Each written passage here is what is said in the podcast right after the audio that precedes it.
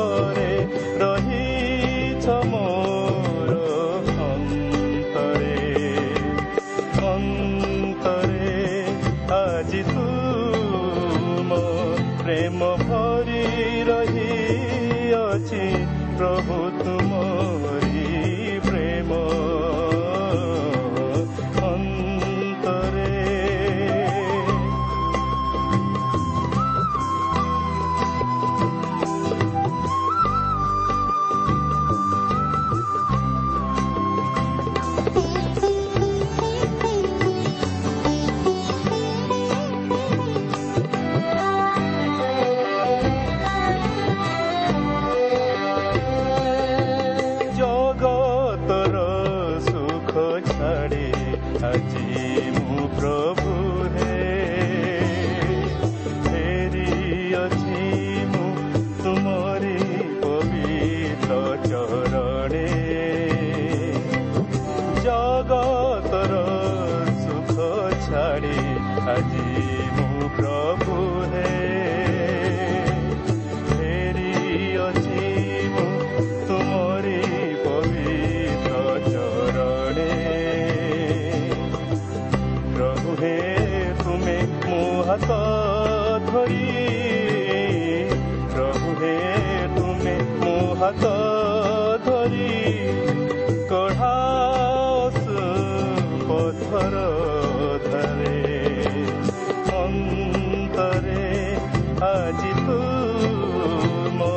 প্রেম ভরে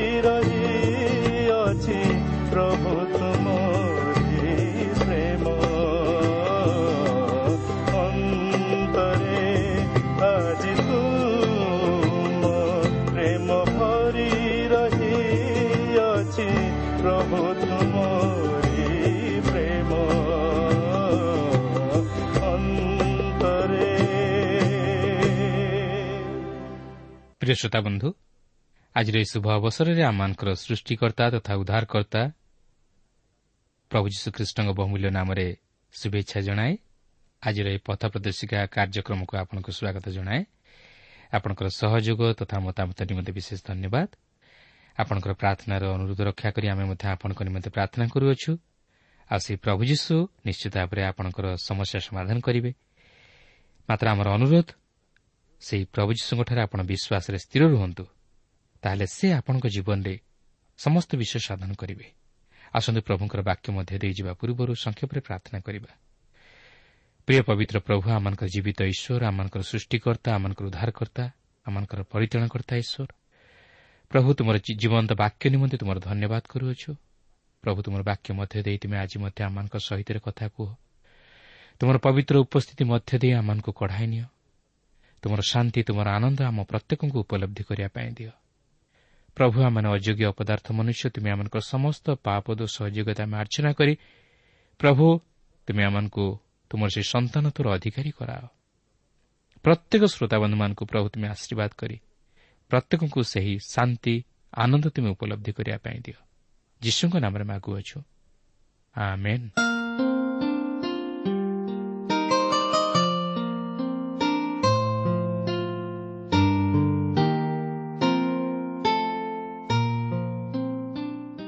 ଆସନ୍ତୁ ବର୍ତ୍ତମାନ ଆମେ ପ୍ରଭୁଙ୍କର ବାକ୍ୟ ମଧ୍ୟକୁ ଯିବା। ଆଜି ଆମେ ଜିଓସିଓ ପୁସ୍ତକର ଶେଷ ପର୍ବ ଅର୍ଥାତ୍ ଚବିଶ ପର୍ବଟିକୁ ଅଧ୍ୟୟନ କରିବା ନିମନ୍ତେ ଯିବା। ତେବେ ଜିଓସିଓ ଚବିଶ ପର୍ବର ପ୍ରଥମ ଦୁଇ ପଦରେ ଏହିପରି ଲେଖା ଅଛି ଅନନ୍ତର ଜିଓସିଓ ଇସ୍ରାଏଲ୍ ବଂଶ ସମୂହକୁ ସିକିମ୍ରେ ଏକତ୍ର କରି ସେମାନଙ୍କ ପ୍ରାଚୀନ ବର୍ଗକୁ ଓ ସେମାନଙ୍କ ପ୍ରଧାନମାନଙ୍କୁ ଓ ସେମାନଙ୍କ ବିଚାରକର୍ତ୍ତୃଗଣଙ୍କୁ ଓ ସେମାନଙ୍କ ଅଧ୍ୟକ୍ଷମାନଙ୍କୁ ଡକାଇଲା। ତହିଁରେ ସେମାନେ ସଦାପ୍ରଭୁଙ୍କ ସମ୍ମୁଖରେ ଠିଆ ହେଲେ। ତେଣୁ ଝିଅ ସମସ୍ତ ଲୋକଙ୍କୁ କହିଲେ ସଦାପ୍ରଭୁ ଇସ୍ରାଏଲ୍ର ପରମେଶ୍ୱର ଏହି କଥା କହନ୍ତି ପୂର୍ବକାଳରେ ତୁମମାନଙ୍କ ପୂର୍ବପୁରୁଷ ଅବ୍ରାହମ୍ ଓ ନାହରର ପିତା ତେରହ ପ୍ରଭୃତି ନଦୀ ସେପାରିରେ ବାସ କରି ଅନ୍ୟ ଦେବତାମାନଙ୍କର ସେବା କରୁଥିଲେ। ଏହି ଅଂଶରେ ଆପଣ ଏକ ଅତୀତର ଇତିହାସ ପ୍ରକାଶ ପାଇବାର ଲକ୍ଷ୍ୟ କରୁଥିବେ। ଆପଣ ଦେଖନ୍ତୁ ଯେତେବେଳେ ଈଶ୍ୱର ଅବ୍ରାହମ୍ଙ୍କୁ ତାଙ୍କର ସେହି କଲଦିଓମାନଙ୍କ ଉର୍ ଦେଶରୁ ଅର୍ଥାତ୍ ସେହି ମେସୋପତାମିଆ ଅଞ୍ଚଳରୁ ଆହ୍ୱାନ କଲେ ସେତେବେଳେ ସେ ତାହାଙ୍କୁ ସେହି ପ୍ରତିମା ପୂଜାର ଗୃହ ମଧ୍ୟରୁ ଆହ୍ୱାନ କଲେ। ତେରହ ଯିଏକି ତାଙ୍କର ପିତା ସେ ଅନ୍ୟ ଦେବତାମାନଙ୍କୁ ପୂଜା କରୁଥିଲେ। ତେଣୁ ଅବ୍ରାହମ୍ ମଧ୍ୟ ସେହିପରି ପରିବେଶ ମଧ୍ୟରେ ବଢ଼ିଥିଲେ। ତେବେ ପ୍ରଶ୍ନ ଉଠେ ଯେ ଈଶ୍ୱର କାହିଁକି ଅବ୍ରାହମ୍କୁ ଏ ପ୍ରକାର ପରିବାର ମଧ୍ୟରୁ ମନୋନୀତ କଲେ ଓ ତାହାଙ୍କଠାରେ ଏକ ଗୋଷ୍ଠୀ ଉତ୍ପନ୍ନ କଲେ? ଆମେ ଯଦି ଅବ୍ରାହମ୍ଙ୍କ ପୂର୍ବ ସମୟକୁ ବିଚାର କରିବା ତାହେଲେ ଜାଣିପାରିବା ଯେ ଈଶ୍ୱର କାହିଁକି ଅବ୍ରାହମ୍କୁ ମନୋନୀତ କଲେ? ଆପଣ ଯଦି ଆଦି ପୁସ୍ତକ ଏଗାର ପର୍ବକୁ ଫେରିଯିବେ ତାହେଲେ ଦେଖିବାକୁ ପାରିବେ ଯେ ବାବିଲ ଗଡ଼ର ଘଟଣା ପରେ ଅର୍ଥାତ୍ ବାବିଲ ଗଡ଼ଟି ଧ୍ୱଂସ ହେବା ପରେ ଲୋକମାନେ ଈଶ୍ୱରଙ୍କୁ ଭୁଲି ଈଶ୍ୱରଙ୍କଠାରୁ ଦୂରେଇ ଗଲେ। କେହି ହେଲେ ଈଶ୍ୱରଙ୍କର ସେବା କଲେ ନାହିଁ। ଏପରିକି ଅବ୍ରାହମ୍ଙ୍କର ପିତା ତେରହ ମଧ୍ୟ ଈଶ୍ୱରଙ୍କର ସେବା କରିବାକୁ ଭୁଲିଗଲେ। ଯେତେବେଳେ ସେହି ବାବିଲଗଡ଼ ଘଟଣାରେ ଈଶ୍ୱର ସେମାନଙ୍କ ମଧ୍ୟରେ ଭାଷାର ଭେଦ ଜନ୍ମାଇଲେ ସେତେବେଳେ ଲୋକମାନେ ଚାରିଆଡ଼େ ଛିନ୍ନ ଭିନ୍ନ ହୋଇଗଲେ ଓ ସେମାନେ ଏକ ସତ୍ୟ ଓ ଜୀବନ୍ତ ଈଶ୍ୱରଙ୍କର ଜ୍ଞାନକୁ ସେମାନଙ୍କ ମଧ୍ୟରେ ଧାରଣ କଲେ। ସେଥିପାଇଁ ଆଜି ବି ମଧ୍ୟ ଆପଣ ଦେଖିବେ ଯେ ଅନେକ ଯଦିଓ ସତ୍ୟ ଓ ଜୀବନ୍ତ ଈଶ୍ୱରଙ୍କୁ ପୂଜା କରନ୍ତି ନାହିଁ ତଥାପି ସେମାନେ ଏକ ସତ୍ୟ ଈଶ୍ୱରଙ୍କର ସତ୍ତାକୁ ଉପଲବ୍ଧି କରନ୍ତି। ସେମାନେ ଜାଣନ୍ତି ଯେ ହଁ ସତ୍ୟ ଈଶ୍ୱର ବୋଲି ଜଣେ କେହି ଅଛନ୍ତି। ବାସ୍ତବରେ ସେହି ବାବିଲଗଡ଼ର ଘଟଣା ପରେ ଲୋକମାନେ ସତ୍ୟ ଈଶ୍ୱରଙ୍କଠାରୁ ବିମୁଖ ହୋଇଥିଲେ। ତେବେ ଆପଣ ଚିନ୍ତା କରନ୍ତୁ ଈଶ୍ୱର କ'ଣ ଚାହିଁଥିଲେ ସେମାନଙ୍କୁ ବିନଷ୍ଟ କରିପାରି ନଥାନ୍ତେ?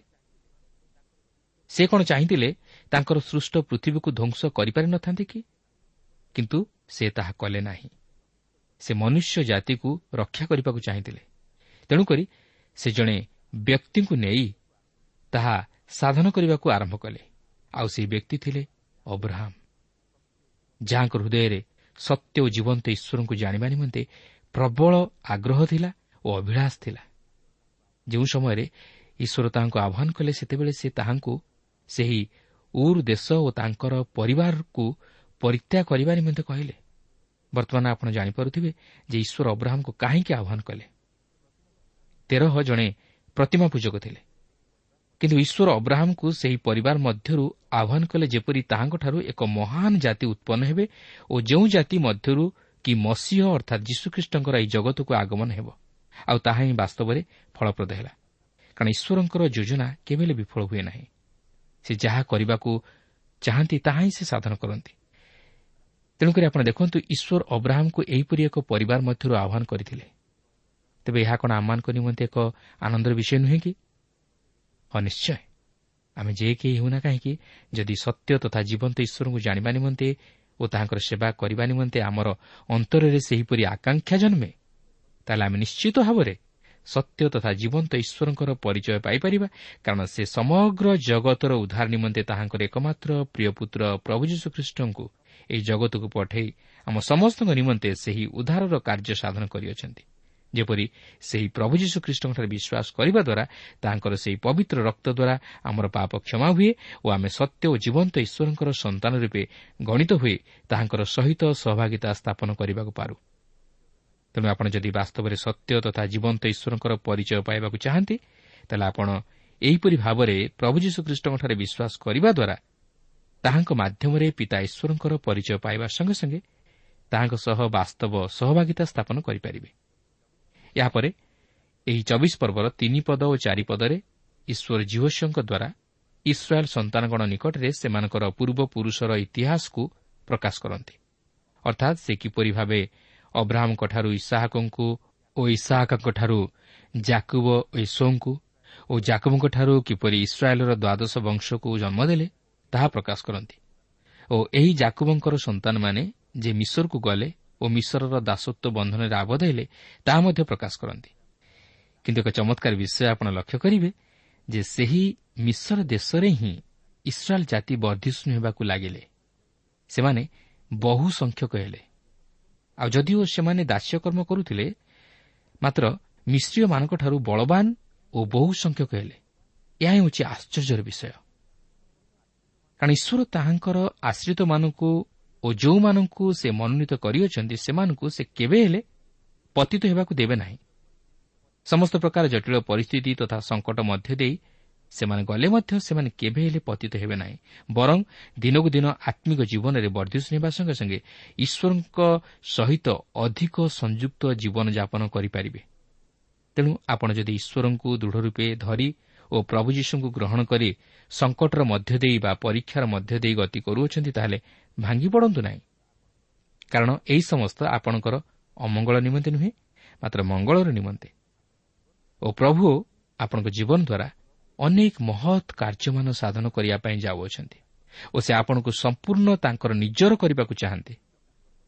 ତେଣୁ ଆପଣ ଦେଖନ୍ତୁ ଚବିଶ ପର୍ବର ପାଞ୍ଚ ପଦରୁ ବାର ପଦ ମଧ୍ୟରେ ଈଶ୍ୱର ଯେ ଇସ୍ରାଏଲ୍ ଜାତିର ଯତ୍ନ ନେଇ ସେମାନଙ୍କୁ ସମସ୍ତ ବିଷୟରେ ଆଶୀର୍ବାଦ କରି ସାହାଯ୍ୟ କଲେ ତାହା ଉପରେ ଗୁରୁତ୍ୱ ଦେଇ ସେ ଝିଅଶିଓଙ୍କ ଦ୍ୱାରା ଇସ୍ରାଏଲ୍ ସନ୍ତାନଗଣଙ୍କ ନିକଟରେ ପ୍ରକାଶ କରନ୍ତି।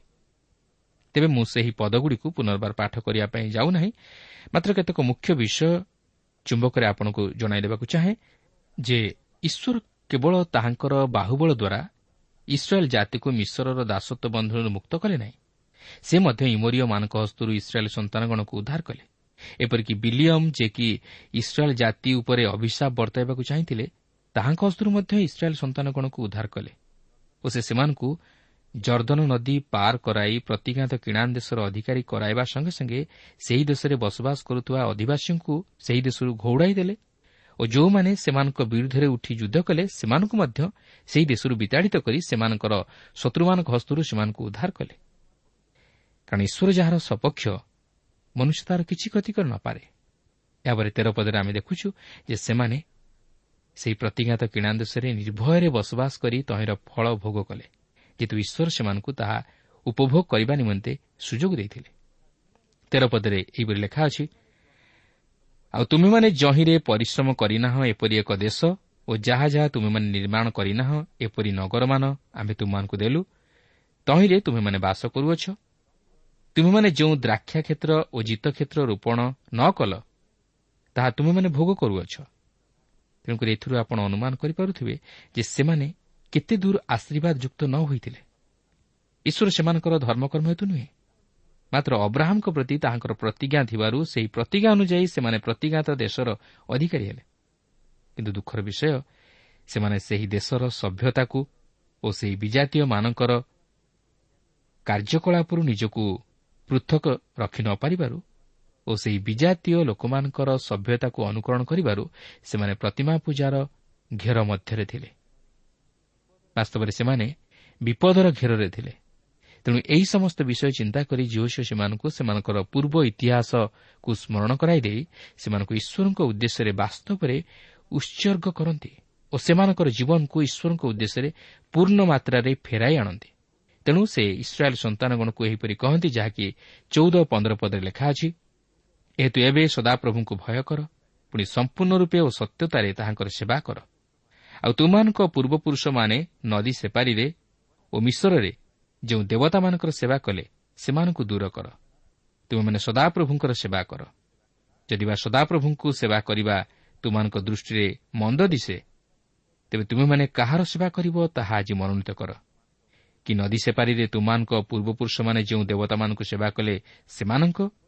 କିମ୍ବା ଯେଉଁ ଇମରିୟମାନଙ୍କ ଦେଶରେ ତୁମେମାନେ ବାସ କରୁଅଛ ସେମାନଙ୍କ ଦେବତାମାନଙ୍କୁ ସେବା କରିବ ଏହା ମନୋନୀତ କର। ମାତ୍ର ମୁଁ ଓ ମୋହର ପରିଜନ ଆମେମାନେ ସଦାପ୍ରଭୁଙ୍କୁ ସେବା କରିବା। ଆପଣ ଦେଖନ୍ତୁ ଏଠାରେ ଜିଓସିଓଙ୍କର ଏକ ଦୃଢ଼ ପଦକ୍ଷେପ ଯାହାକି ସେ ଈଶ୍ୱରଙ୍କ ନିମନ୍ତେ ନେଉଛନ୍ତି। ସେ ଯେଉଁ ସତ୍ୟ ତଥା ଜୀବନ୍ତ ଈଶ୍ୱରକୁ ଜାଣିଛନ୍ତି ତାହାଙ୍କୁ ପରିତ୍ୟାଗ କରିବାକୁ ଚାହାନ୍ତି ନାହିଁ। ଆପଣ ଜାଣିଥିବେ ଯେ ଯଦିବା ମୂଷା ଇସ୍ରାଏଲ୍ ଜାତିର ନେତୃତ୍ୱ ନେଇଥିଲେ ମାତ୍ର ସେ ସେହି ପ୍ରତିଘାତ କିଣା ଦେଶରେ ଇସ୍ରାଏଲ୍ ସନ୍ତାନଗଣକୁ ପ୍ରବେଶ କରାଇପାରିଲେ ନାହିଁ। ମାତ୍ର ତାଙ୍କ ପରେ ତାଙ୍କ ପଦରେ ଜିଓସିଓ ଇସ୍ରାଏଲ୍ ସନ୍ତାନଗଣର ନେତୃତ୍ୱ ନେଇ ସେମାନଙ୍କୁ ସେହି ପ୍ରତିଘାତ କିଣା ଦେଶରେ ନେଇ ପ୍ରବେଶ କରାଇଲେ। ମାତ୍ର ସେମାନେ ଯେପରି ସେହି ଦେଶର ବିଜାତୀୟମାନଙ୍କର ସଭ୍ୟତା ତଥା ସଂସ୍କୃତିକୁ ଅନୁକରଣ କରି ପ୍ରତିମା ପୂଜାରେ ଆସକ୍ତ ନ ହୁଅନ୍ତି ଏଥିନିମନ୍ତେ ଜିଓସିଓ ତାହା ଘଟିବା ପୂର୍ବରୁ ସେମାନଙ୍କୁ ସତର୍କ କରାଇ ଦିଅନ୍ତି। ବାସ୍ତବରେ ଏହା ଏକ ଗୁରୁତ୍ୱପୂର୍ଣ୍ଣ ଆହ୍ୱାନ। କାରଣ ଇସ୍ରାଏଲ୍ ସନ୍ତାନଗଣ ଯେପରି ଈଶ୍ୱରଙ୍କ ସହିତ କରିଥିବା ସେମାନଙ୍କର ଶପଥକୁ ସ୍ମରଣ କରି ତାହା ରକ୍ଷା କରନ୍ତି ଏଥିନିମନ୍ତେ ଝିଅ ସେମାନଙ୍କୁ ଈଶ୍ୱରଙ୍କ ନିମନ୍ତେ ଦୃଢ଼ ପଦକ୍ଷେପ ନେଇ ଛିଡ଼ା ହେବାକୁ ଆହ୍ୱାନ ଦିଅନ୍ତି। ସେ କେବଳ ସେମାନଙ୍କୁ କହନ୍ତି ନାହିଁ ମାତ୍ର ନିଜକୁ ମଧ୍ୟ ସେମାନଙ୍କ ସହିତ ଯୋଗ କରି କହନ୍ତି ତୁମାନେ କାହାର ସେବା କରିବ ତାହା ଆଜି ମନୋନୀତ କର। ମାତ୍ର ମୁଁ ଓ ମୋର ପରିଜନ ଆମ୍ଭେମାନେ ସଦାପ୍ରଭୁଙ୍କୁ ସେବା କରିବା। ଆଜି ଆମ ଜୀବନରେ କ'ଣ ଆମେ ସେ ପ୍ରକାର ପଦକ୍ଷେପ ନେଇପାରିଛୁ କି? କିମ୍ବା ନେବା ନିମନ୍ତେ କ'ଣ ପ୍ରୟାସ କରୁଛୁ କି? ନା ଜଗତ ମଧ୍ୟରେ ନିଜକୁ ହଜେଇ ଦେଇ ଏକ ଗୋଳିଆ ପୋଳିଆ ନୀତି ଧାରଣ କରିଅଛୁ। ଗୋଟିଏ ପାଖେ ପାପକୁ ଓ ଅନ୍ୟ ପାଖେ ଧର୍ମକୁ ରଖି ଏକ ପ୍ରକାର ଭାରସାମ୍ୟ ରଖିବାକୁ ଚେଷ୍ଟା କରୁଛୁ। ନା ଏକ ପାଖେ ଅନ୍ୟାୟକୁ ଓ ଅପର ପାଖେ ନ୍ୟାୟକୁ ରଖି ସମାଜରେ ଏକ ଲୋକ ଦେଖାଣିଆ ଭଦ୍ର ବ୍ୟକ୍ତି ବୋଲି ବା ନ୍ୟାୟବାନ ଲୋକ ବୋଲି ପରିଚୟ ଦେବା ନିମନ୍ତେ ଚେଷ୍ଟା କରୁଛୁ। କିନ୍ତୁ ତାହା ସମ୍ଭବ ନୁହେଁ। ହଁ ହୋଇପାରେ। କେହି ଏପରି ନିଜର ଚତୁରତାରେ କରିପାରେ ଓ ଲୋକଙ୍କର ଚକ୍ଷୁକୁ ଧନ୍ଦଳା କରିଦେଇପାରେ। ମାତ୍ର ଈଶ୍ୱରଙ୍କ ଦୃଷ୍ଟିରେ ନୁହେଁ। କାରଣ ଈଶ୍ୱର ସର୍ବନ୍ତର୍ଯାମୀ ଓ ସର୍ବଦର୍ଶୀ। ସେ ଚାହାନ୍ତି ଆମେ ସମ୍ପୂର୍ଣ୍ଣ ତାଙ୍କର ହେଉ। ଆପଣ କେବେ ଚାହିଁବେ କି ଆପଣଙ୍କର ସ୍ତ୍ରୀ ବା ସ୍ୱାମୀ ଅନ୍ୟ କୌଣସି ସ୍ୱାମୀ ବା ସ୍ତ୍ରୀ ସହିତ ସହବାସ କରୁ ବା ସମ୍ପର୍କ ସ୍ଥାପନ କରୁ ବୋଲି? କେବେ ନୁହେଁ। ଯଦି ଆପଣ ସେପରି ଚାହାନ୍ତି ତାହେଲେ ଆପଣ ନିଜର ସ୍ୱାମୀ ବା ସ୍ତ୍ରୀକୁ ବାସ୍ତବରେ ପ୍ରେମ କରୁନାହାନ୍ତି ବୋଲି ଜଣାଯିବ। କିମ୍ବା ଆପଣ ତାହାଙ୍କ ସହ ସମ୍ପର୍କ ସ୍ଥାପନ ନ କରି ଅନ୍ୟ କାହା ସଙ୍ଗେ ସମ୍ପର୍କ ସ୍ଥାପନ କରିଛନ୍ତି ବୋଲି ଜଣାଯିବ। ଆଉ ଠିକ୍ ସେହିପରି। ଈଶ୍ୱର ଆମମାନଙ୍କ ଜୀବନରୁ ତାହା ଆଶା କରନ୍ତି। ସେ ଚାହାନ୍ତି ନାହିଁ ଆମେ ତାହାଙ୍କୁ ଛାଡ଼ି ଆଉ କାହାର ସେବା କରୁ ବୋଲି ବା ଈଶ୍ୱର ବୋଲି ଗ୍ରହଣ କରୁ। ତେଣୁକରି ଜିହୋସିଓ ମଧ୍ୟ ସେହିପରି ଈଶ୍ୱରଙ୍କ ନିମନ୍ତେ କେବଳ ନିଜକୁ ନୁହେଁ ମାତ୍ର ତାହାଙ୍କର ପରିବାରକୁ ମଧ୍ୟ ଈଶ୍ୱରଙ୍କ ସେବା ଉଦ୍ଦେଶ୍ୟରେ ସମ୍ପୂର୍ଣ୍ଣ ଉତ୍ସର୍ଗ କରିଦେଇଥିଲେ। ତେବେ ଦେଖନ୍ତୁ ଝିଅଶଙ୍କର ଏପରି କଥାରେ ଇସ୍ରାଏଲ୍ ସନ୍ତାନଗଣ କି ପ୍ରକାର ପ୍ରତ୍ୟୁତ୍ତର ଦେଉଛନ୍ତି। ଚବିଶ ପର୍ବର ଷୋହଳ ଓ ସତର ପଦରେ ଲେଖା ଅଛି ଏଥିରେ ଲୋକମାନେ ଉତ୍ତର ଦେଇ କହିଲେ ଅନ୍ୟ ଦେବତାମାନଙ୍କ ସେବା କରିବା ନିମନ୍ତେ ଆମମାନେ ଯେ ସଦାପ୍ରଭୁଙ୍କୁ ପରିତ୍ୟାଗ କରିବୁ ଏହା ଦୂରେ ଥାଉ। ଯେହେତୁ ସଦାପ୍ରଭୁ ଆମମାନଙ୍କର ପରମେଶ୍ୱର ସେ ଆପେ ଆମମାନଙ୍କୁ ଆମମାନଙ୍କ ପୂର୍ବପୁରୁଷମାନଙ୍କୁ ମିଶ୍ର ଦେଶର ଦାସ ଗୃହରୁ ବାହାର କରି ଆଣିଲେ ଓ ଆମମାନଙ୍କ ଦୃଷ୍ଟିଗୋଚରରେ ଏହିସବୁ ମହାଚିହ୍ନ ପ୍ରକାଶ କଲେ। ପୁଣି ଯେଉଁ ସକଳ ପଥରେ ଓ ଯେ ଯେ ଗୋଷ୍ଠୀ ଦେଇ ଆମେମାନେ ଆସିଅଛୁ ସେମାନଙ୍କ ମଧ୍ୟରେ ଆମମାନଙ୍କୁ ରକ୍ଷା କରିଅଛନ୍ତି। ଆପଣ ବୋଧେ ଭାବୁଥିବେ ଯେ ସେମାନେ ଈଶ୍ୱରଙ୍କର ସମସ୍ତ ସାହାଯ୍ୟ ଓ ମଙ୍ଗଳଦାନକୁ ସ୍ମରଣ କରି ଈଶ୍ୱରଙ୍କ ସହିତ ସଂଯୁକ୍ତ ରହି କେବଳ ତାହାଙ୍କର ସେବା କରିବେ। କିନ୍ତୁ ତହିଁରେ ବ୍ୟତିକ୍ରମ ଘଟିଲା ଓ ସେମାନେ ଈଶ୍ୱରଙ୍କଠାରୁ ବିମୁଖ ହୋଇ ଅନ୍ୟ ଦେବତାଗଣର ସେବା କଲେ ଯାହାକି ଆମେ ଏହାର ପରବର୍ତ୍ତୀ ପୁସ୍ତକରେ ଅର୍ଥାତ୍ ବିଚାରକର୍ତ୍ତା ପୁସ୍ତକରେ ପାଠ କଲେ ସ୍ପଷ୍ଟ ଜାଣିପାରିବା। କିନ୍ତୁ ଏଠାରେ ଚିନ୍ତାର ବିଷୟ ହେଉଛି ଯେ ଆଜି ଆମେ କେତେଦୂର ନିଜର ପ୍ରତିଜ୍ଞାରେ ସ୍ଥିର ରହିପାରିଛୁ? ଆମେ ଈଶ୍ୱରଙ୍କ ନିକଟରେ ଅନେକ କିଛି ଶପଥ କରିଥାଉ। ଅନେକ ଏହିପରି ଶପଥ କରି କହନ୍ତି ପ୍ରଭୁ ଯୀଶୁ ମୁଁ ଆଜିଠାରୁ କେବଳ ତୁମକୁ ଧ୍ୟାନ କରିବି ମୁଁ କେବଳ ତୁମର ପବିତ୍ର ବାକ୍ୟକୁ ଧ୍ୟାନ କରିବି। ମୁଁ ତୁମ ନିକଟରେ ପ୍ରାର୍ଥନାରେ ସମୟ ବିତାଇବି। ମୁଁ ତୁମ ନିମନ୍ତେ ମୋର ଭୂମି ବା ଅର୍ଥ ଦାନ କରିବି। ମୁଁ ତୁମର ସେବା ଉପାସନାରେ ଅବହେଳା କରିବି ନାହିଁ।